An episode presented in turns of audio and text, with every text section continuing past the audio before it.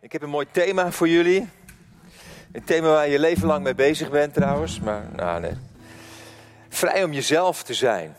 Dat is het thema van deze dienst. Vrij om jezelf te zijn.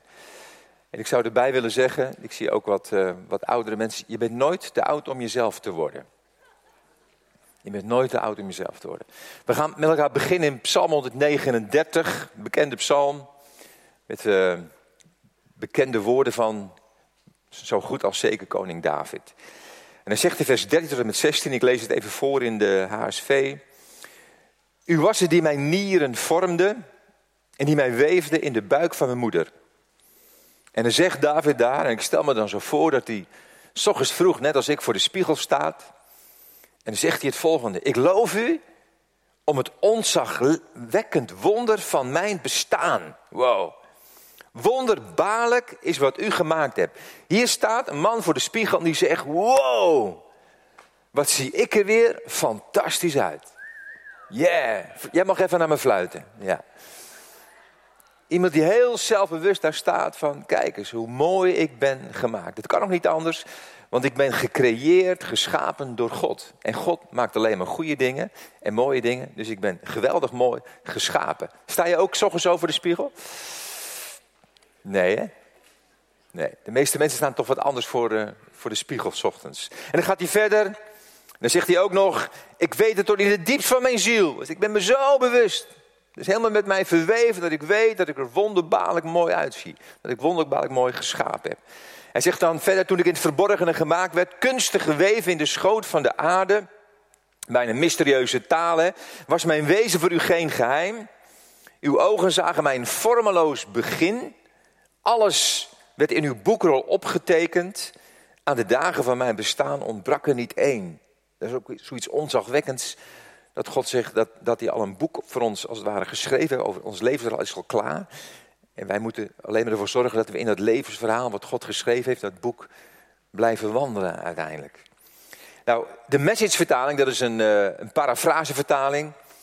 Die, die heeft dat op een geweldige manier, dat laatste stukje vertaald. Eugene Pietersen, hij zegt daar, u kent mij van binnen en van buiten. U kent ieder botje van mijn lijf.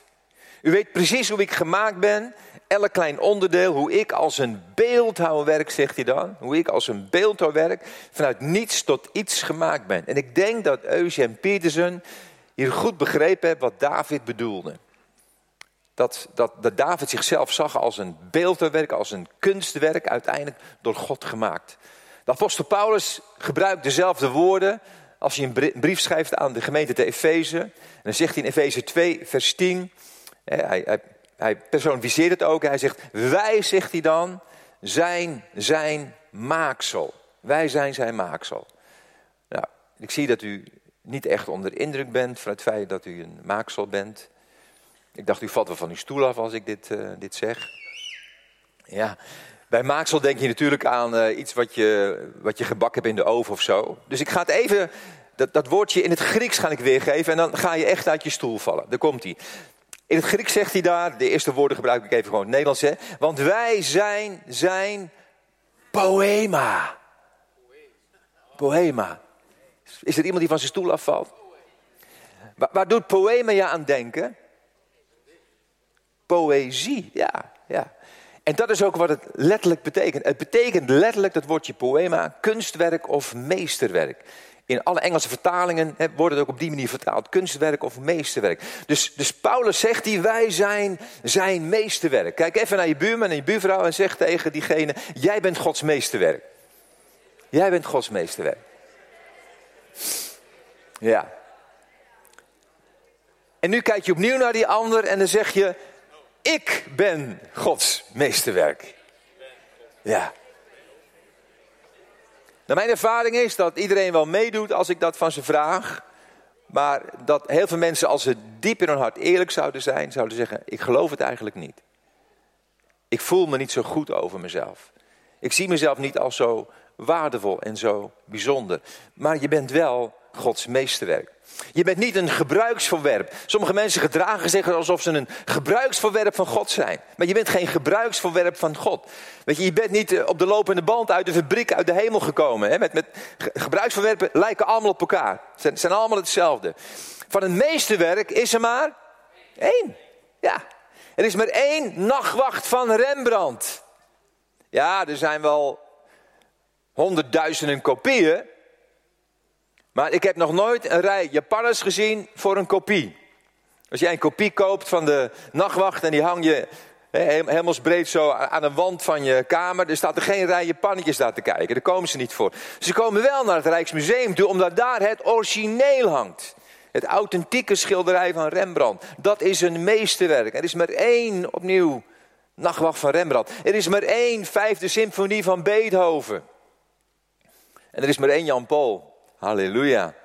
Gelukkig voor sommigen. Er is maar één Jan Paul. En zo heeft God ook maar één versie van jou gemaakt.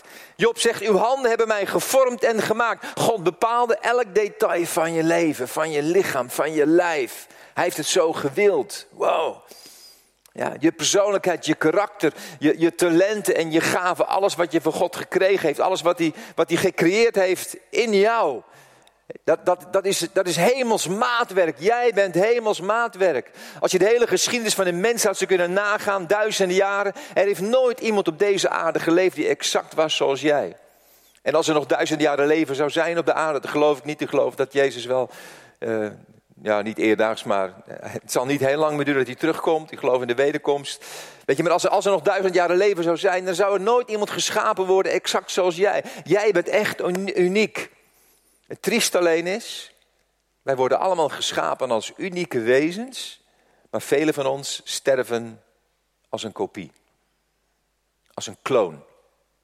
En dat is de grootste zonde die er is. Als er één gebied is waar wij vrij in moeten komen, is het om vrij te zijn, om de persoon te zijn zoals God bedoeld heeft. En voor veel mensen is dat best ver weg in hun leven. En het is zo opnieuw ongelooflijk belangrijk om dat hemels maatwerk van God uit te leven in je leven. Steve Jobs, de grondlegger van Apple, een intelligente, creatieve man, die heeft eens een hele mooie uitspraak gedaan. Hij zei: Je tijd is beperkt. Je tijd is beperkt. Verspil die niet door het leven van iemand anders te leven.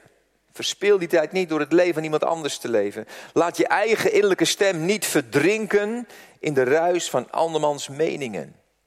Weet jij wie je bent? Weet jij wie je bent? Ben jij authentiek? Dat is een begrip wat we veel horen, maar ik denk wel eens weten we ook werkelijk wat het betekent. Authentiek zijn. Het woordje authentiek betekent letterlijk oorspronkelijk. Oorspronkelijk, uit de eerste hand. Ja. Ben jij oorspronkelijk? Ben jij de persoon zoals God dat bedoeld had? Zoals God jou geweven heeft in de moederschoot van je moeder met een plan voor je leven. Ben jij die persoon? Leef je die persoon uit? Of ben je door alle situaties in het leven, ik ga zo meteen er iets over mezelf over vertellen, uiteindelijk tot een ander persoon geworden en niet de persoon die God oorspronkelijk voor jou bedoeld had. Een authentiek persoon durft voor de dag te komen. Dat maakt jou kwetsbaar. Want als je helemaal jezelf bent, kunnen mensen daar kritiek op hebben. Ze kunnen je afwijzen. Dat betekent dat je wel een redelijke stabiliteit in je leven moet hebben. Om de moed te hebben ook om authentiek te zijn, om jezelf te zijn. Als je authentiek bent, dan durf je ook gewoon voor je zwaktes en je tekortkomingen. Daar, je, durf je open over te zijn. Dan hoef je niks meer te verstoppen. Dit is wie ik ben.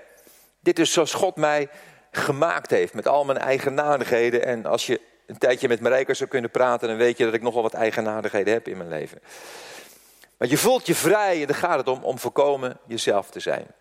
En ik kom nog wel eens mensen tegen, veel mensen tegen, die niet de moed hebben om zichzelf te zijn. Ik heb zelf heel lang niet de moed gehad om mezelf te zijn. Ik kom heel veel leiders nog tegen die niet zichzelf zijn. Het gebeurt mij regelmatig dat ik in gesprek ben met een leider, soms gewoon in een wegrestaurant, dat na een half uur in het gesprek zo'n leider opeens tranen in zijn ogen krijgt en begint te huilen. Dan krijg ik vaak te horen, joh, sorry, dat gebeurt me anders nooit. Dan zeg ik, nou, geef niet, ik heb blijkbaar een zalving waarin ik uh, tranen losmaak uh, bij mensen. Mensen moeten altijd huilen als ze mij zien. Dat begrijp ik ook wel. ja. ja. Ik ga je één verhaal vertellen, wat, uh, wat ook wel indrukwekkend is. En daarom vertel je hem ook. Hè. Je vertelt natuurlijk altijd verhalen die, die waar gebeurd is. Hè, maar het, het, is wel een extreme uitzondering. Het was een leider die ik, die ja, ik denk nu een jaar of tien geleden leren kennen. Ik sprak hem op een, eh, op een conferentie waar andere leiders waren. Ik had hem nooit eerder ontmoet. En wel van hem gehoord. Hij leidde een, vrij grote gemeente. En uh, had ook een boek geschreven. En sprak op conferenties. En we maakten met elkaar even kort kennis. En hij zei, Jan, zou jij niet eens een keer bij ons in de, in de gemeente willen spreken? Ja, tuurlijk wil ik dat. Moeten we even kijken, even mailcontact. Uiteindelijk, een half jaar, drie kwart jaar later, was de afspraak uh, gemaakt. En was ik op die zondagochtend in die, uh, in die kerk. En uh, ik sprak, zeg maar, die, ik hield mijn toespraak, mijn preek. En aan het einde begonnen mensen ja, al te huilen. En ik denk, nou, ik doe maar een uitnodiging. En toen keek ik naar de voorganger die zat. Nou ja, hier zit niemand links. Ik pak Gerard even. De voorganger rechts van me. En ik keek hem aan. Ik zeg, joh, kun je komen? En uh, ik zeg, oudstof, gebedsteam. Ik weet niet hoe het hier werkt. We hadden niet met elkaar overlegd. En ogenblikkelijk stonden er allerlei mensen op. En die met mij zeg maar, gingen bedienen. En die voorganger die bleef zitten. En ik weet nog goed dat ik dacht, hij heeft zeker een ATV-dag. Voorganger mag ook wel eens een vrije dag hebben. Bestaat dat nog, ATV-dagen? De ouderen onder ons denken, oh ja, ik weet nog wat een ATV-dag is. Uiteindelijk, ik ga in de bediening en ik ben tien minuten, kwartier ben ik bezig samen met anderen van het gebedsteam. En uh, nou, de aanbiddingsleider nam het weer over. En ik ga naar de plaats waar ik zat, dat was naast die voorganger. En toen ik dichterbij kwam, ik was een paar meter van hem af, toen zag ik dat zijn wangen nat waren van de tranen. En hij keek me aan en hij zegt, je hebt me diep geraakt. Ja, dat zie ik. De tweede vraag die hij gelijk stelde, tweede opmerking. Hij zegt, kunnen we een afspraak maken? Ik zeg, je overvalt me even. Vind je het goed dat we maandag even mailcontact hebben? Dan kijk ik even in mijn agenda. Heeft het haast, zei ik tegen hem. Hij zegt, graag zo snel mogelijk. Dus ik heb maandag gekeken. Ik dacht, nou, probeer diezelfde week nog een, een blok vrij te, creëren. Dat kon. Ik denk, ik moet maar een, echt een dag deelnemen. Een hele middag vrijgepland. Om hem te kunnen ontmoeten. En fijn, de dag was aangebroken en uh, we zitten bij elkaar. En ja, in het begin ja, het gaat toch een beetje over koetjes en kalfjes. Hè? Je tast een beetje af, je gaat niet gelijk de diepte in. Maar na een kwartier dacht ik, nou, ik heb eigenlijk helemaal geen zin om uh, aan de oppervlakte te blijven. Dus ik zeg, joh, je zei dat je diep geraakt was. Wat in mijn preek raakte jou, raakte jou zo diep? Toen zei hij, oh, maar, maar je preek heeft me niet geraakt. Nou, dat wil je echt niet horen als spreker natuurlijk. dus ik gaf hem links en rechts een map. Zo van, ben je helemaal betoeterd? Hij zei, je preek heeft me niet geraakt. En toen zei hij het volgende. Hij zei, jij hebt me geraakt. En ik begreep niet wat hij bedoelde. Ik zeg, hoe, bedoel je, jij hebt me geraakt? En toen kwam de eerste traan. Hij zegt, toen ik jou zag staan en zo bezig zag, toen dacht ik, die vent, zei hij letterlijk, die vent is echt zichzelf. Die vent is echt. Hij zegt, Jan en ik werd me ongelooflijk bewust, pijnlijk bewust van het feit dat ik er heel ver vandaan ben. Hij zegt, ik speel mijn leven lang al rollen. En dan begon hij harder te huilen. Tranen stroomden over zijn wangen. Ik liep naar hem toe en ik huilde ook. Het raakte me. En ik knielde neer bij zijn stoel en ik nam hem in mijn armen tegen mijn borst aan. En toen begon hij hartverscheurend te huilen. En toen zei hij, help me, help me. Ik ben zo moe, zo moe van het spelen van rollen in mijn leven. Hij snotterde letterlijk op mijn borst. Na afloop was niet alleen mijn borst nat van de tranen, maar van het snot. Echt waar. Ja. Zo'n verdriet kwam eruit. En toen heb ik iets in de trant van hem gezegd van... joh, je, je, je, moet eens weten wat voor reis ik ben gegaan om mezelf te worden. Ik zeg, ik heb me vaak een ui gevoeld. En daar binnenin, in die ui, daar was de Jan zoals God die bedoeld had. De versie, die originele versie, waarvan God had gezegd, maar dat moet hem worden, zo moet hij worden. Ik zeg maar, ik ben opgegroeid in een, in een gezin waar ja, mijn vader en moeder alle twee wel een behoorlijke rugzak hadden. En er gebeurden dingen waardoor ik het gevoel had, ik mag mezelf niet zijn. En er kwamen allemaal laagjes in mijn leven. Ik zeg, God heeft me laag voor laag gepeld. En elke laag die eraf ging, ging weer gepaard met tranen. Zoals je een ui ook pelt. Ik had lieve ouders. En ik had een vader die door trauma's een, een stille man was. En mijn vader heeft me nooit bevestigd in mijn mannelijkheid. Mijn vader heeft nooit tegen me gezegd, Jan, ik hou van je, ook nooit, ik ben trots op je. Ik was echt een hele goede voetballer. En hoe ouder ik word, hoe beter ik vroeger was als voetballer. En mijn vader stond ook wel de, eh, aan, aan, de kant dan te kijken. Maar ik heb hem nog nooit horen roepen naar me. Andere vaders riepen naar hun zonen. En aflopen dan sloegen ze een arm om de schouders van hun zoon. En je was weer geweldig. Dat deed mijn vader niet. Ik ben niet bevestigd door mijn vader. Mijn moeder was een hele angstige vrouw. Den Helder is een stad geweest die het meest gebombardeerd is geweest tijdens de Tweede Wereldoorlog. 84 keer. 84 keer. En bij de eerste zeg maar, bombardementen heeft mijn moeder moeten vluchten voor haar leven als tienermeisje. Met haar zeven broers en zusjes.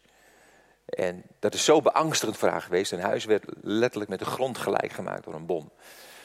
En ze kwamen in kippenboeten, letterlijk kippenboeten. Even buiten Helden kwam ze, kwam ze te leven, vier jaar lang tijdens de oorlog. En 83 keer nog hè, kwamen die bommenwerpers naar over en hoorden ze die bommen vallen. En lag ze trillen, zeg maar, in haar bed. Mijn moeder was een hele angstige vrouw. Ze had zoveel angsten. En moeder communiceerde met één ding naar mij. Jantje, pas op. Jantje, kijk uit. Jantje, dat is gevaarlijk. Jantje, doe maar niet. Jantje, dat kun je niet. En wat gebeurt er als je een vader hebt die je niet bevestigt in je mannelijkheid en een, een moeder die alleen maar communiceert. Jantje, pas op. Jantje, kijk uit. Jantje, dat kun je niet. Dan krijg je een heel onzeker jongetje. En dat werd ik. Ik mocht niet eens van mijn moeder naar de kleuterschool. Vroeger had je de kleuterschool, heb je vierde geen kleuterschool, heb je zesde lagere school, de eerste klas. Ik ben nooit naar de kleuterschool geweest. Dat mocht, hè. Je had geen leerplicht tot de, de, leeftijd, dus dat mocht. Maar mijn moeder kon mij gewoon niet loslaten. Die beschermende handen, die wilden mij niet loslaten. Dus op mijn zesde ging ik pas naar school. En ik werd een hele stille, verlegen jongen op school. Om elfde seksueel misbruikt. Omdat ik niet wist wie ik was omdat ik me niet kon verweren. Ik had geen ruggengraat in mijn leven. En later nog meer dingen in mijn leven meegemaakt. En de ene laag na de andere laag kwam over mijn leven. En op een bepaald moment besloot ik om, om die pijn te stillen met heel veel drank en heel veel relaties. En werd ik met drank op een stoere jongen. Ja, die rol vond ik wel leuk, want dan werd ik bewonderd. Als ik een beetje stoer was, dan kon ik alleen maar met drank op. En tot ik op mijn 25e radicaal tot bekering kwam, omdat ik een ongelooflijke mooie vrouw ontmoeten. Zit ze hier ergens? Die mooie, zit hier een mooie vrouw? Oh, er zit er eentje. Oh ja, jij was het. Nou weet ik het weer. Ja, het is al 42 jaar geleden. Ja, en Marijke trouwde met een, een vreselijk gewonde jonge man. Ik was 25, Marijke was 21. Maar God heeft me opnieuw laag voor laag gepeld in mijn leven. Brandon Manning schrijft in zijn boek Kind aan Huis. Toen ik acht jaar oud was, werd de misleider in mij geboren. Het Engels zegt die impositor. De onechte ik die diende als verdediging tegen pijn. Hij weet het nog precies wanneer dat gebeurde. En wellicht weet jij het niet precies, maar is er in je kinderjaren ergens een proces geweest en als je terugkijkt denk je, hé, hey, ik ben ergens mezelf kwijtgeraakt. Ergens ben ik mezelf kwijt. Ergens is dat pure jongetje, dat pure meisje, dat onbevangen kind, had ergens het gevoel, ik mag er niet zijn, ik ga me maar anders gedragen. En hij weet het nog, hij was acht jaar, zegt hij. Hij zegt, de onechte ik, die diende als verdediging tegen pijn. Diep, die indringer, diep in mij, die zei, zorg dat je nooit meer werkelijk jezelf bent. Want niemand houdt van jou zoals je bent. Verzin maar een nieuwe ik, waar anderen wel van kunnen houden. En dat deed hij. En zijn keus was de volgende. andere mensen maken andere keuzes. Hij koos voor deze nieuwe ik. Hij zegt, ik ben een goede jongen. Beleefd, welgemanierd, onopvallend, eerbiedig. Ik studeerde hard, haalde uitstekende cijfers, kreeg een studiebeurs voor de universiteit. Ik ontdekte dat een perfecte verschijning de waardering bracht waar ik zo wanhopig naar op zoek was. En zijn ouders waren ongelooflijk trots. Kijk onze Brennan eens. Hoe hij het in het leven gemaakt heeft. Allemaal buitenkant. Hij mocht niet zichzelf zijn. En hij was doodongelukkig. Uiteindelijk is hij aan de drank verslaafd geraakt. Daarvan afgekomen. Toen is hij uh, priester geworden. Priesterschap op zich genomen. Toen ontmoette hij een vrouw. Dan is hij uitgetreden, is hij getrouwd. Toen raakte hij weer aan de alcohol. En zo zijn er golven in zijn leven geweest. Maar op een bepaald moment is hij eruit gekomen. En dan schrijft hij dit boekje over. Ik heb het met tranen in mijn ogen gelezen. Het heeft me enorm geholpen. Een kind aan huis. En heeft hij ontdekt wie hij uiteindelijk werkelijk is. Hij zegt, de grote scheiding tussen mijn hoofd en mijn hart bleef mijn hele bediening in stand. Wat triest. En ik kom ze nog regelmatig tegen. Mensen waar jij misschien tegen opkijkt. Maar als je doorprikt, denk je, wat is het veel buitenkant? Ben je echt jezelf? Durf je echt de persoon te zijn zoals God je gemaakt heeft uiteindelijk? Zoveel mensen zijn bang om zichzelf te zijn. Want ja, als je jezelf bent, word je misschien veroordeeld. Word je afgewezen en niemand vindt dat fijn. De Zwitserse therapeute Alice Miller maakt in haar boek het drama van het begaafde kind ook onderscheid tussen het ware zelf en het onechte zelf, net als Brennan Manning. Het ware zelf, zegt zij, is het zelf uit de kindertijd. Het is het zuivere, onbeschadigde zelf dat vrij, open, onbevangen en emotioneel toegankelijk is.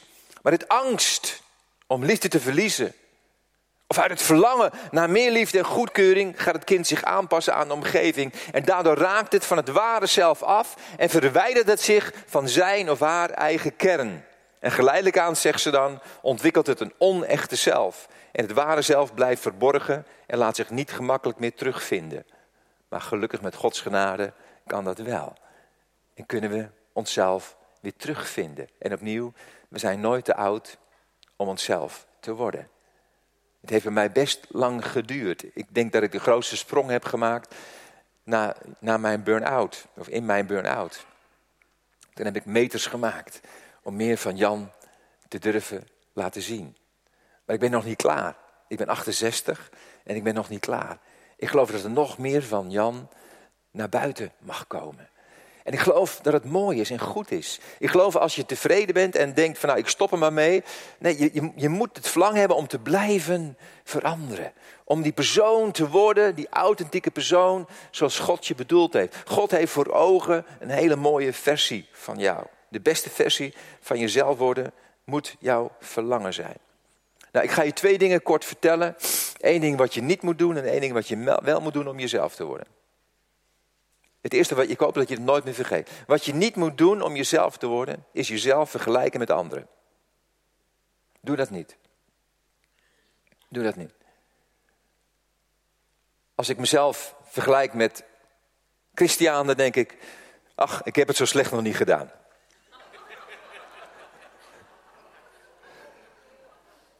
Ja, dat heb je met een conferentie. Als je vooraan zit, dan word je vaak slachtoffer. En als ik mezelf dan vergelijk met Gerard, dan denk ik, oh, wat moet ik nog een lange weg gaan. ja. Dat zijn de dingen die gebeuren als je jezelf vergelijkt met anderen. Ja. Of je wordt trots en hoogmoedig. Ja. Of je wordt juist minder waardig. Ik zat een jaar of drie, vier geleden op een terrasje met een uh, bekend leider. Een jonge leider die, die echt een mooie bediening aan het ontwikkelen is. Die op podia mag staan. En uh, we hadden het over dromen en visie en toekomst. En hij zei, Jan, Paapman, ik wil de beste spreker van Nederland worden. En hij keek me aan zo van, denk je dat het in mij zit? Nou, natuurlijk zei ik, joh, geen kans, want ik ben de beste spreker van Nederland. Dus, nee. Weet je wat ik tegen hem zei? Ik liet het balletje even stuiteren. Want ik wilde hem een les leren. Ik zei tegen hem, joh, die ambitie heb ik nooit gehad. Weet je wat ik altijd graag heb gewild? Is de beste versie van Jan Paul worden. Ja. Dat is zo belangrijk. Vergelijk jezelf niet met anderen, want je bent die ander niet. Hoor je me? Je bent die ander niet. Of denk je nou echt dat als jij voor de troon van God komt, dat God tegen jou zegt: waarom was je niet meer als Gerard de Groot? Waarom was je niet meer als moeder Teresa? En nee, hij zal zeggen: waarom was je niet meer jij? Zoals ik je bedoeld had. Met een plan, met een bestemming. En je bent niet in die bestemming gekomen omdat je niet vanuit je eigen unieke identiteit hebt geleefd. Je bestemming heeft alles te maken met de persoon die je bent, wist je dat? En zoveel mensen komen niet op een bestemming omdat ze niet de persoon zijn zoals God ze gemaakt en gecreëerd heeft. Dus dat moet je verlangen zijn. Nou, wat je er niet moet doen is jezelf vergelijken met anderen zeggen. Wat je wel moet doen is van jezelf houden. Dat is zo belangrijk. En in sommige kringen, als ik dat zeg, dan wordt het een beetje stil. Van jezelf houden, dan word je toch een egoïst. Narcisten, dat zijn toch mensen die van zichzelf houden? Nee, narcisten houden juist niet van zichzelf. Egoïsten houden niet van zichzelf, wist je dat? Je wordt juist een egoïst en een narcist als je niet van jezelf houdt. Want als je niet van jezelf houdt, heb je anderen nodig om jou te bevestigen om jou waarde te geven, om jou te bewonderen. Narcisten om maar één ding, bewonderd worden. Waarom? Ze hebben een ongelooflijk minderwaardigheidscomplex juist, joh. Het is zo belangrijk om van jezelf te houden. Ja, zeggen mensen dan tegen mij, nee, je moet toch jezelf kruisigen, kruisigen jezelf verlogenen. Nou, daar wordt mee bedoeld dat je je vlees moet kruisigen. Je oude mens, niet je unieke persoonlijkheid die God je heeft gegeven, die moet juist naar buiten komen. God had een Paulus nodig. Nou, dat was zijn persoonlijkheidje hoor. Ja, om datgene te bereiken wat hij bereikte in zijn leven. Vanwege zijn unieke persoonlijkheid. En ik ben heel bijbels. Het is Jezus zelf die op de vraag van een wetgeleerde zei. die wetgeleerde vroeg aan hem, wat is het grootste gebod? Wat zei Jezus? God liefhebben bovenal. Met heel je hart, heel je ziel, alles wat in je is. En je naaste hoe als? Als jezelf. Er staat niet in plaats van jezelf. Er staat als jezelf. Als je twee mensen in een huwelijk naast elkaar zet die twee niet van zichzelf houden, wat krijg je dan? Dan zuigen ze elkaar leeg. Dan zijn ze voortdurend bij de ander aan het halen. Dan word je een nemer. Maar als je van jezelf houdt, dan kun je een gever zijn. En van jezelf houden is net als David voor de spiegel staan en zeggen: Heer, dank u wel. Dank u wel. Zoals u mij gemaakt hebt, Heer, is goed, is mooi. Ik ben blij met mijn uiterlijk. Ja, het wordt wat ouder, krijg wat rimpels, maar ik ben blij met mijn uiterlijk. Ik heb een klein beetje een buikje, maar ik ben blij met mijn uiterlijk, Heer.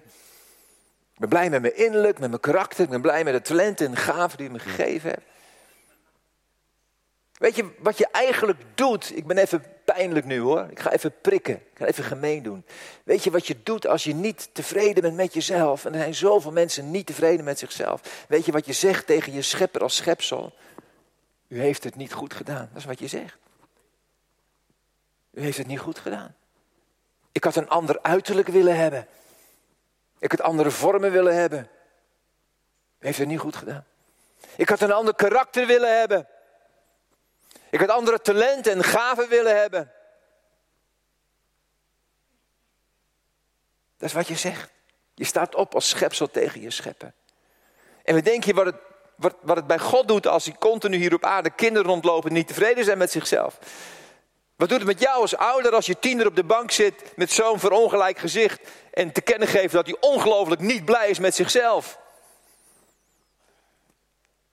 Maar als je van jezelf houdt, dan kun je blij zijn met jezelf. Ik durf zelf te zeggen, dan kun je zeggen, ik ben verrukt van mijzelf. En weet je waarom? God is verrukt over Jan Paul. Ja! Ja toch? Hij is verrukt over mij. Wie ben ik om dat te ontkennen? Ik zeg alleen maar over mezelf wat hij zegt over mij. Hij is blij met mij. Ik ben wonderbaarlijk mooi geschapen. Echt waar. Houden van jezelf. Nou, je kunt alleen maar van je, dat is de laatste stap, je kunt alleen maar van jezelf houden. Als er iemand is die onvoorwaardelijk van jou houdt. En die is er. Geen mens, maar wel God. God houdt onvoorwaardelijk van jou.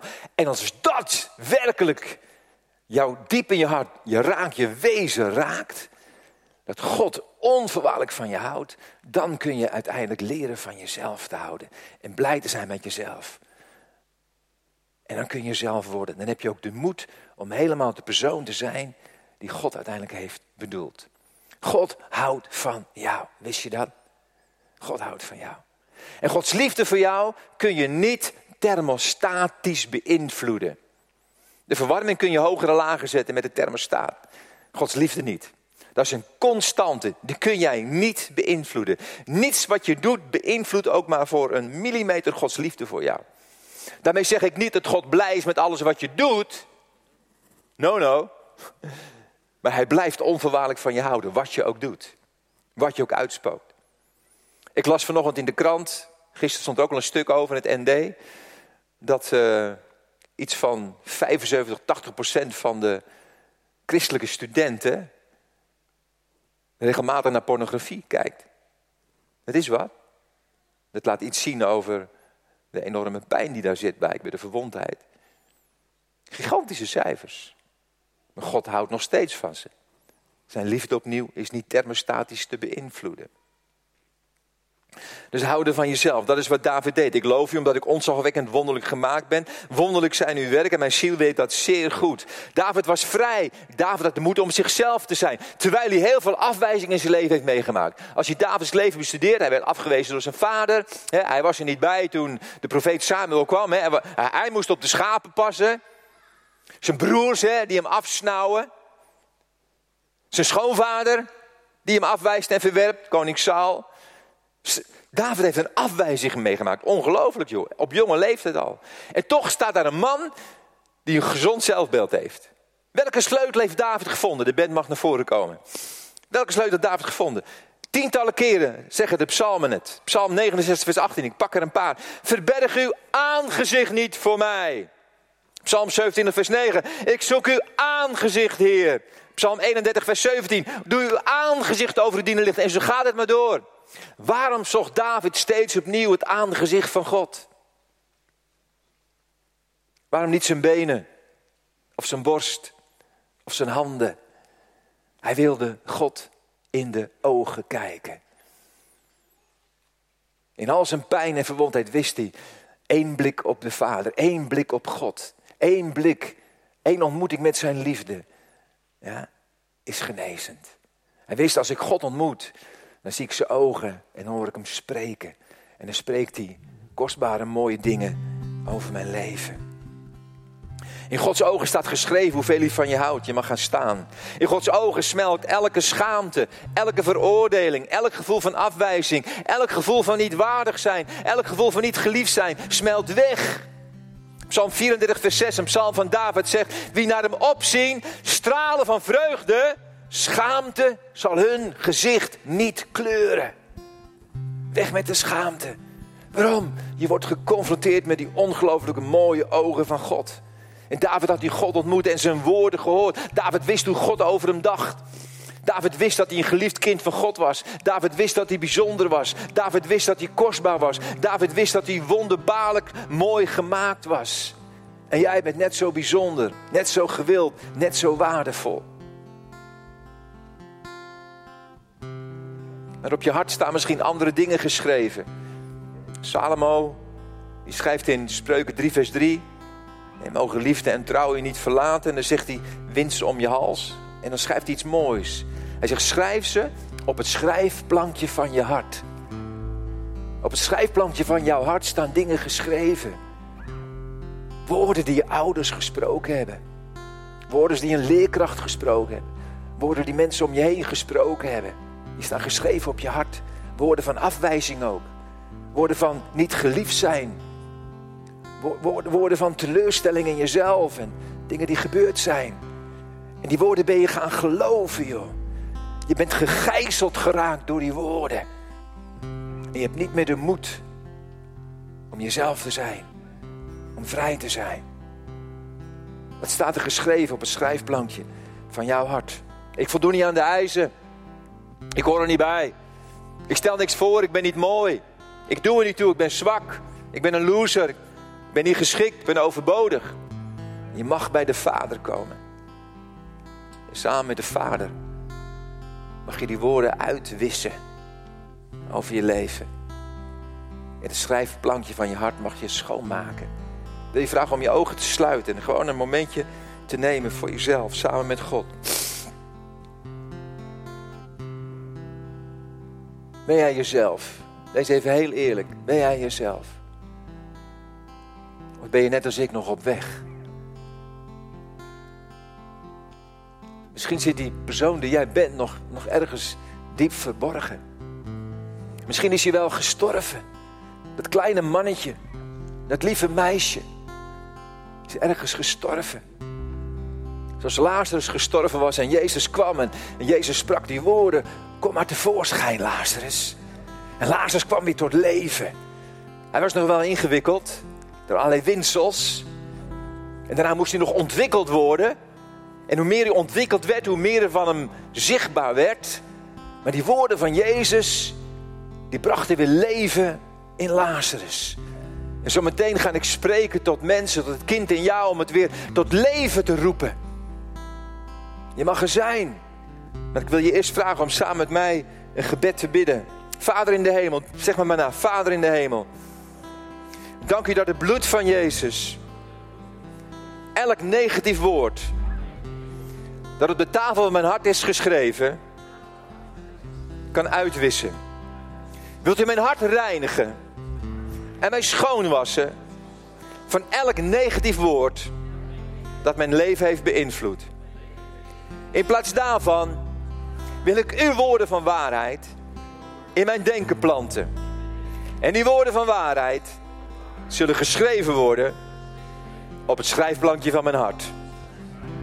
In Christus ziet u mij als rein, heilig, rechtvaardig, volmaakt. Ik mag leven als een geliefd kind van God. Uw glimlach rust op mij. U bent blij als u mij ziet. In uw ogen ben ik bijzonder. Ben ik kostbaar. Ben ik gewild. Ben ik geliefd.